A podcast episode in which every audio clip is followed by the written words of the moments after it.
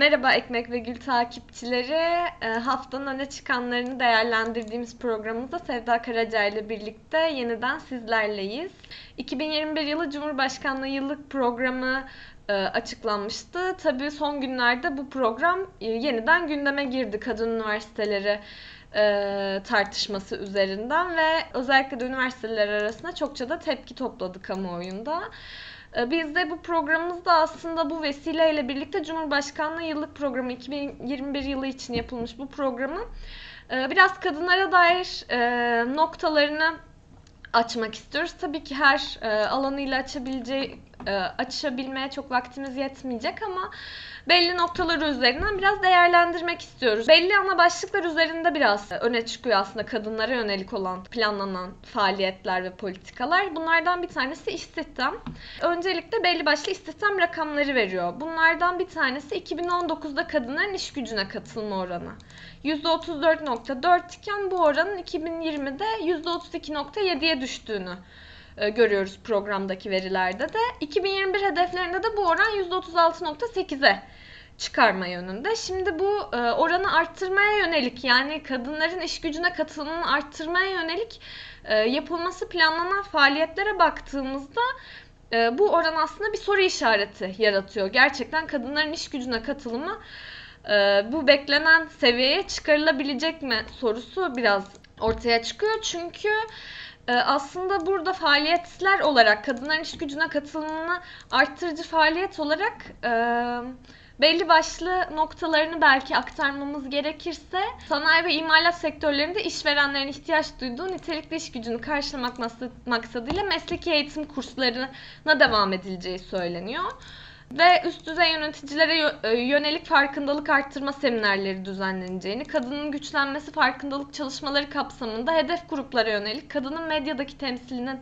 değiştirilmesi, arttırılması, güçlendirilmesine yönelik e, faaliyet kararları olduğunu görüyoruz. Kararların çoğuna baktığımızda çoğu kadınları mesleki olarak e, kalifiye hale getirelim ve kadınların iş gücüne katılma oranını arttıralım e, şeklinde ilerliyor. Ancak tek sorun kadınların mesleki bir eğitime sahip olmamasıymış gibi ortaya konduğu da biraz burada e, ortaya çıkıyor. Bununla birlikte aslında geçtiğimiz yıl pandemiyle birlikte özellikle kadına şiddetin de oldukça arttığını gördük. Tabii geçtiğimiz bir yılda da çokça aslında uygulanmasında ayak direnen cinsiyete dayalı şiddeti önlemeye yönelik yasaların da aile yapısını tehlikeye attığı e, söylenerek ve değerlerimize uymadığı e, gerekçesiyle hedefe konduğunu, çeşitli aflarla, infaz yasalarıyla tecavüzcülerin caydırıcı cezalar almadan, kadın katillerin caydırıcı cezalar almadan serbest bırakıldığını da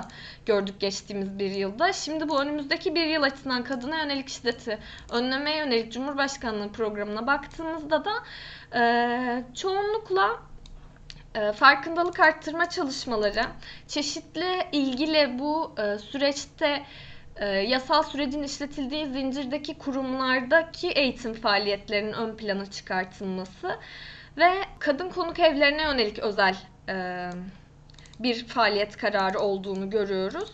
Ve elektronik kelepçe uygulamasında ayrıyeten vurgulandığında ve bunun yaygınlaştırılmasına yönelik çalışmalar yapılacağı ne söylendiğini görüyoruz ama bunun dışında bütüncül olarak toplamda kadına yönelik şiddete dair bu kararlar kadına yönelik şiddeti engeller mi? Bu da ayrı bir soru işareti olarak ortada duruyor.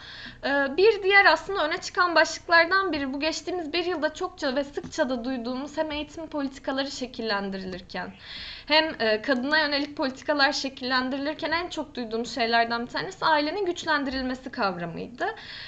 Buna yönelik de bu programda aynen bu başlıkla e, bir bölüm var. Bu da aslında e, bu bölümün bu başlığın altında da aile ve evlilik kurumunun koru, korunması, desteklenmesi, güçlendirilmesine yönelik evlilik öncesi eğitim, aile eğitimi, danışmanlık hizmetlerinin yaygınlaştırılması faaliyetleri gerçekleştirilecektir.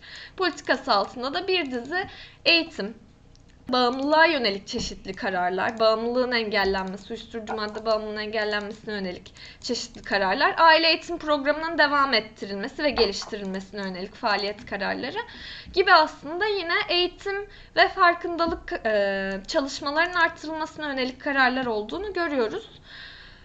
Tabii pandemi deyince bir başka başlığımız da sağlık. Kadınların sağlığa erişimi mevzusu. Özellikle pandemi sürecinin de etkisiyle bu hem kadın sağlığının daha da özelleştiği ve kamuda kadınların sağlığa erişemediği bir süreçte geçirmiş olduk geçtiğimiz bir yılda.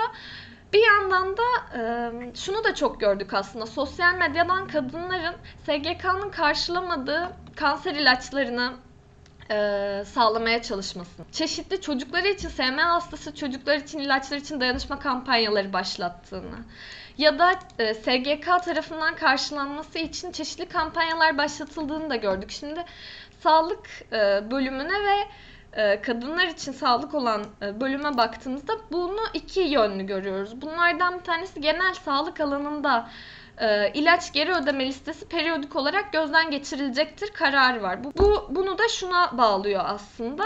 Yurt dışından temin edilen ilaçlar gibi gruplarda etkin bütçe kontrolü sağlanacaktır. Yani aslında SGK'nın periyodik olarak e, geri ödeme listesinde bulunması gereken ilaçları arttırılacağı ya da azaltılacağına yönelik doğrudan bir ifade geçmiyor bu programda ve bunu hem tüketim üzerinden değerlendirileceğini hem e, alternatif ve daha uygun fiyatlı tedarikçilerin bulunacağına yönelik çeşitli faaliyet kararları görüyoruz. Bunun bir diğer yanında aslında kadınların e, sıkça karşılaştığı bir kanser olan meme kanseri ve yumurtalık kanseri üzerinden bir politika. Daha doğrusu kadınların kanser taramalarına daha çok e, erişebilmesine yönelik bir politika. Buna daha çok kadınların katılması, daha çok kanser taramaları yaptırılması ve kontrollerini yaptırılması içinde şöyle bir karar görüyoruz. Kısa videolar ve farkındalık çalışmaları da sınırlı aslında buradaki kararlarda. Bunun dışında da son olarak belki şunu öne çıkartabiliriz. Bu programı bizim bu haftalarda yeniden gündemimize sokan olan karar e, Japonya'daki örnek incelenerek sadece kadın öğrencilerin kabul edileceği kadın üniversiteleri kurulacağı kararı. Bunu da aslında şöyle bir argümanla da e, faaliyet kararlarında görebiliyoruz. Kız çocukların eğitime katılımını arttırma amaçlı yapıldığı argümanı da aslında bu faaliyet kararlarının arasında bunun araştırılması üzerinden sunuluyor. Şimdi toplam e, yıllık program kadınlar açısından e, böyle bir şeye düşüyor ve aslında devletin, iktidarın e, kadınlar için e, 2021 yılında vaat ettiği şeyler aslında bir sivil toplum kuruluşunun yaptığı ya da yapabileceği eğitim ve seminer ve farkındalık çalışmalarının daha ötesinde bir yere gitmiyor gibi görünüyor. Ee, biraz buna dair değerlendirmelerini almak istiyorum Sevda. Evet. Ee, Elif sen bir özet yaptın toplamına ilişkin. Ben bir hatırlatma yaparak başlamak istiyorum. Nedir bu Cumhurbaşkanlığı yıllık programı diye. Ee, aslında tek adam yönetim uygulamalarından biri. İlk kez 2019 yılında e, Cumhurbaşkanlığı yıllık programı e, yayımlanmıştı. Tabii ki Cumhurbaşkanı Tayyip Erdoğan imzasıyla. E, eskiden e, bu e, işte tek adam yönetimi döneminden önce hükümet e, meclis içinden seçildiği dönemlerdeki gibi e, bir hükümet programı açıklamıyor artık. İcraatlar e, Cumhurbaşkanlığı yıllık programıyla ifade ediliyor. Dolayısıyla Cumhurbaşkanlığı yıllık programı aslında AKP hükümetinin 2001-2021 yılı için ne yapmayı çeşitli e, alanlarda ne yapmayı önüne hedef olarak koyduğunu özetleyen bir program. E, sen çeşitli başlıklar halinde özetledin. Ek olarak şunları ifade edebilirim belki programda yer alan önemli bazı diğer başlıklara ilişkin. Birincisi mesela çok dikkat çekici unsurlardan bir tanesi şu programda toplumsal problemlerin çözümüne yönelik dini içerikli yayınlar toplumun daha geniş kesimlerine ulaştırılacak diyor mesela. Hedeflerden bir tanesi bu. Yani toplumsal problemleri çözmek için dini içerikli yayınları, bunların görsel ve basılı e, hallerinin sayısını ve çeşitliliğini arttırmayı bir hedef olarak karşımıza koyuyor. Yani karşımızda pandemi dönemiyle birlikte büyümüş pek çok toplumsal problemi e, toplumsal problemin nedenlerine, kökenlerine inmek, e, kamu bütçesiyle bu sorunları gidermek üzere hamle yapmak yerine e, bu e, sorunları üstünü kapatmak için dini içerikli yayınları e, arttırmayı hedef olarak e, ortaya koyan bir e, hükümet programı olduğunu görüyoruz. İkinci bir dikkat çekici nokta şuydu programda. Mesela özellikle göç hizmetleri merkezlerinden yararlanan göçmen kadınların, gençlerin ve çocukların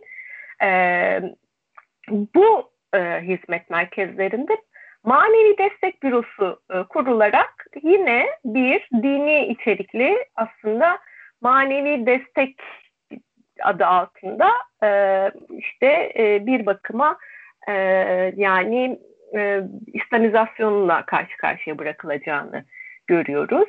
Manevi destek bürosunun içeriği, işlevi, ne yapacak, ne edecek bununla ilişkin bir bilgi yok. Dikkat çekici bir üçüncü unsur ise doğurganlık hızına ilişkin. Bu AKP hükümetinin 3 çocuk 5 çocuk politikasıyla çok gündemimizde olan, gündemimizin birinci sırasından hiç düşmeyen konu başlıklarından bir tanesi ve sürekli olarak doğurganlık hızının yıldan yıla düştüğünü, bunun genç nüfusu e, tehlikeye soktuğunu, nüfusun yaşlandığını ifade ediyorlar biliyorsun. E, ve bunu yine Cumhurbaşkanlığı yıllık programında dert edinmişler ve doğurganlık hızının arttırılması için iş ve aile yaşamını uyumlaştırıcı politikaların etkisini değerlendireceklerini söylüyorlar. Neydi iş ve aile yaşamını uyumlaştırıcı programlar? Biz çok iyi biliyoruz. Aslına bakarsan esnek çalışmaydı, güvencesiz çalışmaydı, uzaktan çalışmaydı.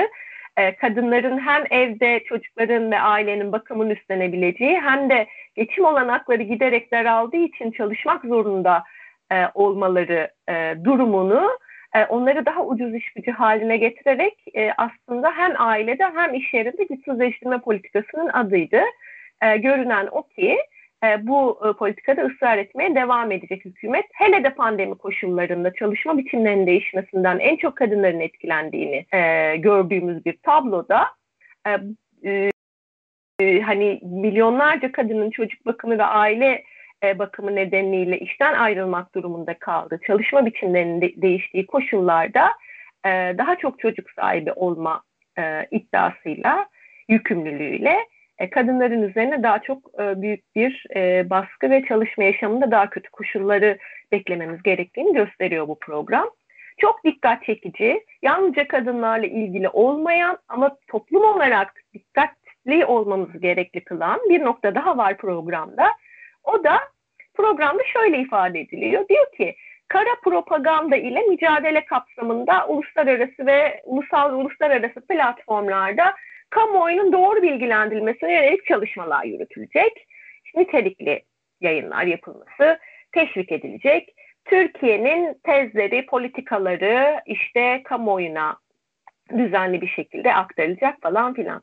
Cumhurbaşkanlığı İletişim Başkanlığı'nın zaten neredeyse Nazi döneminin Göbels e, teknikleri gibi büyük e, aslında e, olanaklarla donatılması, toplumun hem hükümetin politikalarına, işte dış politika olsun, sağlık politikası, eğitim politikası, istihdam politikası olsun, bütün bunlara ilişkin güvensizlik duygusunun gerçekten tavan yaptığı bir dönemde kara propaganda ile mücadele kapsamında özel bir politika açıklanması gerçeklerin zaten pek çok e, ciddi baskıyla karşı karşıya kalan medyanın ya da işte sosyal medyanın ya da insanların gerçeğin bilgisine ulaşma ihtimalinin hala korunduğu alanların daha büyük bir baskıyla karşı karşıya geleceğini ve bir yalan makinesinin içine atılacağımızı gösteriyor aslında. Bu durum çok dikkat çekici özellikle mesela kadınlar bakımında bakımından şiddetin bu kadar arttığı ve e, sosyal medyanın ya da basının bu şiddet olayları karşısında hükümetin, yargının, kolluğun harekete geçmesi için çok önemli bir yerde durduğu koşullarda kadına yönelik şiddet olayların, cinayetlerin, öfkelen, e, kadınların öfkesinin bile bir kara propaganda olarak adlandırılma ihtimalinin çok yüksek olduğu yeni bir dönem. Aslında bir dönemin devamı olarak 2021 e, Cumhurbaşkanlığı yıllık programı bir tehlikeyi ortaya koyuyor gerçekten. Şimdi bütün bunları senin anlattıklarına bu dikkat çekici beş unsura toplamda baktığımızda biz görüyoruz ki çok bütünlüklü bir toplum mühendisliğinin e, bir parçası bu yıllık program ve aslında milliyetçi, mukaddesatçı, kaderci, işte sabra, itaate dayalı, kadınların ailenin, iktidarın ve sermayenin işte kulu kölesi haline getirildiği, olası toplumsal patlamaların önüne kadınların uysallıkla, maneviyatla geçmesinin beklendiği, bunun için kadınların hem bedenlerinin hem emeklerinin, anneliklerinin e, falan hepsinin araçsallaştırıldığı bir toplumsal düzen tahayyülü bu. Cumhurbaşkanlığı yıllık programı da bu toplumsal düzen tahayyülünün madde madde ilamı aslına bakarsanız. Dolayısıyla kadın üniversiteleri projesi bütün bu toplum tahayyülünün, bu bütünlüklü toplum tahayyülünün içinde bir yerde değerlendirilmesi gerekiyor bana kalırsa. Bunun içinde bir yere oturuyor çünkü. Sen çok önemli bir şeyin altını çizdin. Ee, bu kadın üniversiteleri bizim karşımıza hele de pandemi döneminde kız çocuklarının eğitime ulaşmasını sağlayacak bir araç olarak çıkarılıyor. Böyle propaganda ediliyor. Bu o kadar ikiyüzlü bir propaganda ki gerçekten de. Şimdi aslında dönüp baktığımızda bu kadın üniversiteleri gerçeğine neyle karşı karşıyayız? Hızlıca özetleyeyim. Ee, 2019'un Temmuz ayında gündeme getirmişti Erdoğan bunu G20 zirvesi için gittiği Japonya'da. Türkiye'de de benzer bir e, adım atılmalı demişti Japonya örneğini ortaya sererek. Aslında tam da karma eğitim tartışmalarının e, yapıldığı bir döneme de denk gelmiş olması nedeniyle çok dikkat çekiciydi. Ve bir yandan bu tartışma, kadın üniversiteleri tartışması, bir yandan bir karma eğitimin hedefe konması tartışması olarak yürüdü. Diğer taraftan kadınların eğitime, dolayısıyla istihdama, nitelikli iş gücü haline gelme e, olanaklarına, yani eşitlik meselesine ilişkin bir tartışma olarak yürütüldü. Bir yandan da tabii bir bütün toplum tahayyülü içinde kadınların varoluşunun sınırlarını çizmek için atılan ekonomik, kültürel, politik adımların bugün bir nokta itibariyle bir göstereni olarak tartışıldı Kadın Üniversitesi. Böyle tartıştık biz bunu. Şimdi bu bir karma eğitim meselesi. Çünkü her fırsatta hedefe konan karma eğitim adeta bir sorun olarak ele alınıyor AKP hükümetince. Ee, biz bir kere Japonya'dan ısmarlamayla kurulacak olan bu taklit kurumların bir kere Japonya'da yani dünyanın en gelişmiş teknolojilerine e, e, sahip e, ve aynı zamanda işte e, en yüksek gelir düzeyine sahip olan ülkelerinden biri olan Japonya'da kadınları tümüyle feodal toplum yapısının mirasını hala katı şekilde sürdüren geleneklere bir mahkum etme aparatı olarak kullanıldığını görüyoruz örneğin kadın üniversitelerinin ve bu durumun kendisi Japonya'da bugün bu kadar işte e, ne denir dünyanın gelişmiş ülkeleri kategorisinde bir yerde olan Japonya'da kadınların örneğin politikaya katılım oranında işte 149 ülke içerisinde 127. Ekonomiye katılım oranında 149 ülke içinde 115. Japonya'daki kadın istihdamı oranının OECD üyesi ülkeler arasında neredeyse son sırada olduğu bir tabloyu ortaya çıkartmasında elbette ki çok büyük bir etkisi var. Şimdi böyle bir tahayyülden ve ısmarlama taklit bir e, heyuladan bahsediyoruz aslında. Şimdi bu e, gerici, feodal değerleri ve ataerkil gerici değerleri e, korumaya ve kadınları narin, hassas, şefkatli ev kadınları haline getirip e, öyle eğitmeye çalışan bu kadın üniversiteleri karşımıza gerçekten de kadınların e, eğitimden eşit fırsatlarda yararlanması için bir araç olarak çıkarılması iki yüzlülüğün daniskası gerçekten de. Şimdi bizim e, yani kızın mesela çeşitli liberal zevatlarca e, kadın üniversiteleri kızını okula göndermek istemeyen bir bir kesim ailenin güven içinde çocuklarının eğitim almasının sağlanacağı aracı, sağlama aracı gibi ifade ediliyor. İşte e, böyle muhafazakar aileler kız çocuklarını böylelikle üniversiteye gönderebilirler. Ne güzel kadınların eğitim almaları sağlanabilir diye e, reklam ediliyor bu mesele. Bu anlayış aslında tıpkı ilkokul ve hatta kreşe kadar inen başörtüsü savunusuna çok benziyor gerçekten de. Biz bugün ilkokul hatta kreş çağındaki çocukların okullarda başörtüsü takabilmesinin önünü açan düzenlemelerin de böyle savunulduğunu çok iyi e, hatırlıyoruz hakikaten de. Ama bugün kız çocuklarının okullaşmasının, eğitim alabilmesinin önündeki temel engeller bunlar değil. Şimdi Türkiye'de hali hazırda var olan değişe değişe bir hal olmuş eğitim sisteminin çok büyük sorunları var gerçekten. De. Üniversitelerde bundan azade değil. Anaokulundan başlayarak eğitim hayatının her alanında çok ciddi eşitsizlikler var ve bu eşitsizliklerin en derini de zenginlerle yoksullar arasında yaşanıyor. Cinsiyet eşitsizliğinin ve e, bir taraftan da sınıfsal eşitsizliklerin en büyük mağduru kız çocukları. Yıllardır liberallerin diline pelesenk olmuş fırsat eşitliği safsatası aslında bu sorunu çözmeye elbette ki yetmiyor. Ve bir bakıma işte bir patron bakanın eline bırakılmış olan eğitim sisteminin asıl sorunu bakımından yoksul halkın kız çocuklarının niteliksiz ilkokullara, ortaokullara, proje liselerine işte mahkum edilmesi, e, bu okulda bu çocukların hiçbir şey öğrenmeden günde derse işte bilmem kaç saat derse girip e, mezun olunca da işsiz kalması, bu okullarda asıl problem çocuklara iktidarın kindar ve dindar nesil yetiştirme politikasını sürekli empoze etmesi, çocukların kendi ulaşabilecekleri yerlerde nitelikli okul olmadığı için hatta okul olmadığı için şehir dışında yurtlara mahkum edilmesi, bu yurtların tarikatlar elleriyle aslında yürütülmesi, bu yurtlarda çocukların istismar edildiği gerçeği, yanarak öldüğü gerçeği, ailelerin parayla susturulduğu gerçeğidir bugün. Eğitimde kız çocuklarının fırsat eşitliği meselesinde gündeme getirilmesi gereken temel konulardan bir tanesi. Pandemi döneminde esas meselenin burada olduğunu çok iyi gösterdi bize gerçekten de. Online eğitimde internet, bilgisayar, tablet, telefon gibi olanakların yoksunluğu nedeniyle 4 milyona aşkın çocuk eğitime bile ulaşamıyor bugün. Ve bunların büyük kısmının kız çocukları olduğunu uzmanlar söylüyor.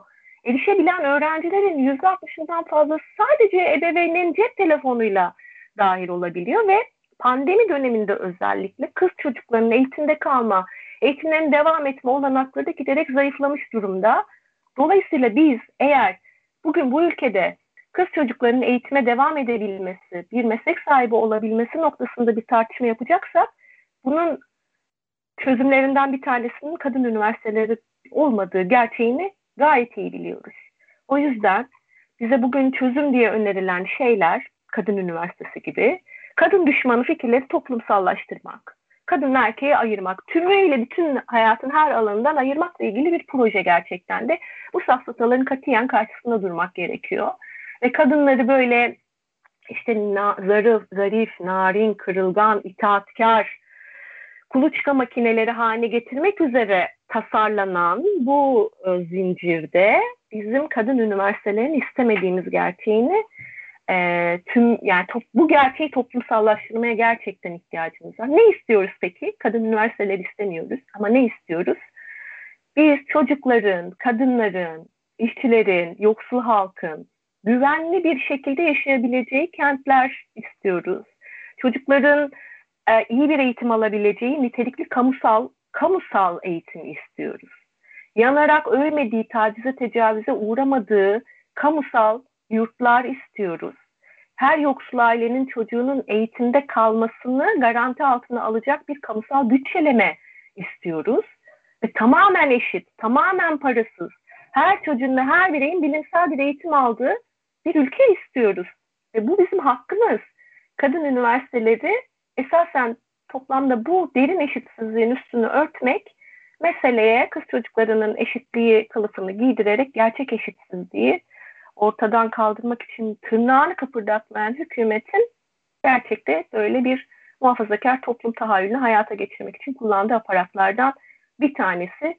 Bu ciddi öfke, bu son bir haftada yükselen ciddi öfke çok yerinde bir öfke gerçekten de. Bizim de her alanda, yalnızca üniversiteli kadınlar olarak değil aslında. Mahallelerde, iş yerlerinde, sokakta, sendikalarda bu konuyu tam da böyle bir yerden e, ele alıp ciddi bir karşı çıkış örgütleme ihtiyacımız var diye düşünüyorum. Teşekkürler. O zaman bugünkü programımızı e, bu son çağrıyla da bitirmiş olalım. Teşekkür ederiz izlediğiniz için. Haftaya yine aynı saatte sosyal medya hesaplarımızda görüşmek üzere. Hoşçakalın. Hoşçakalın.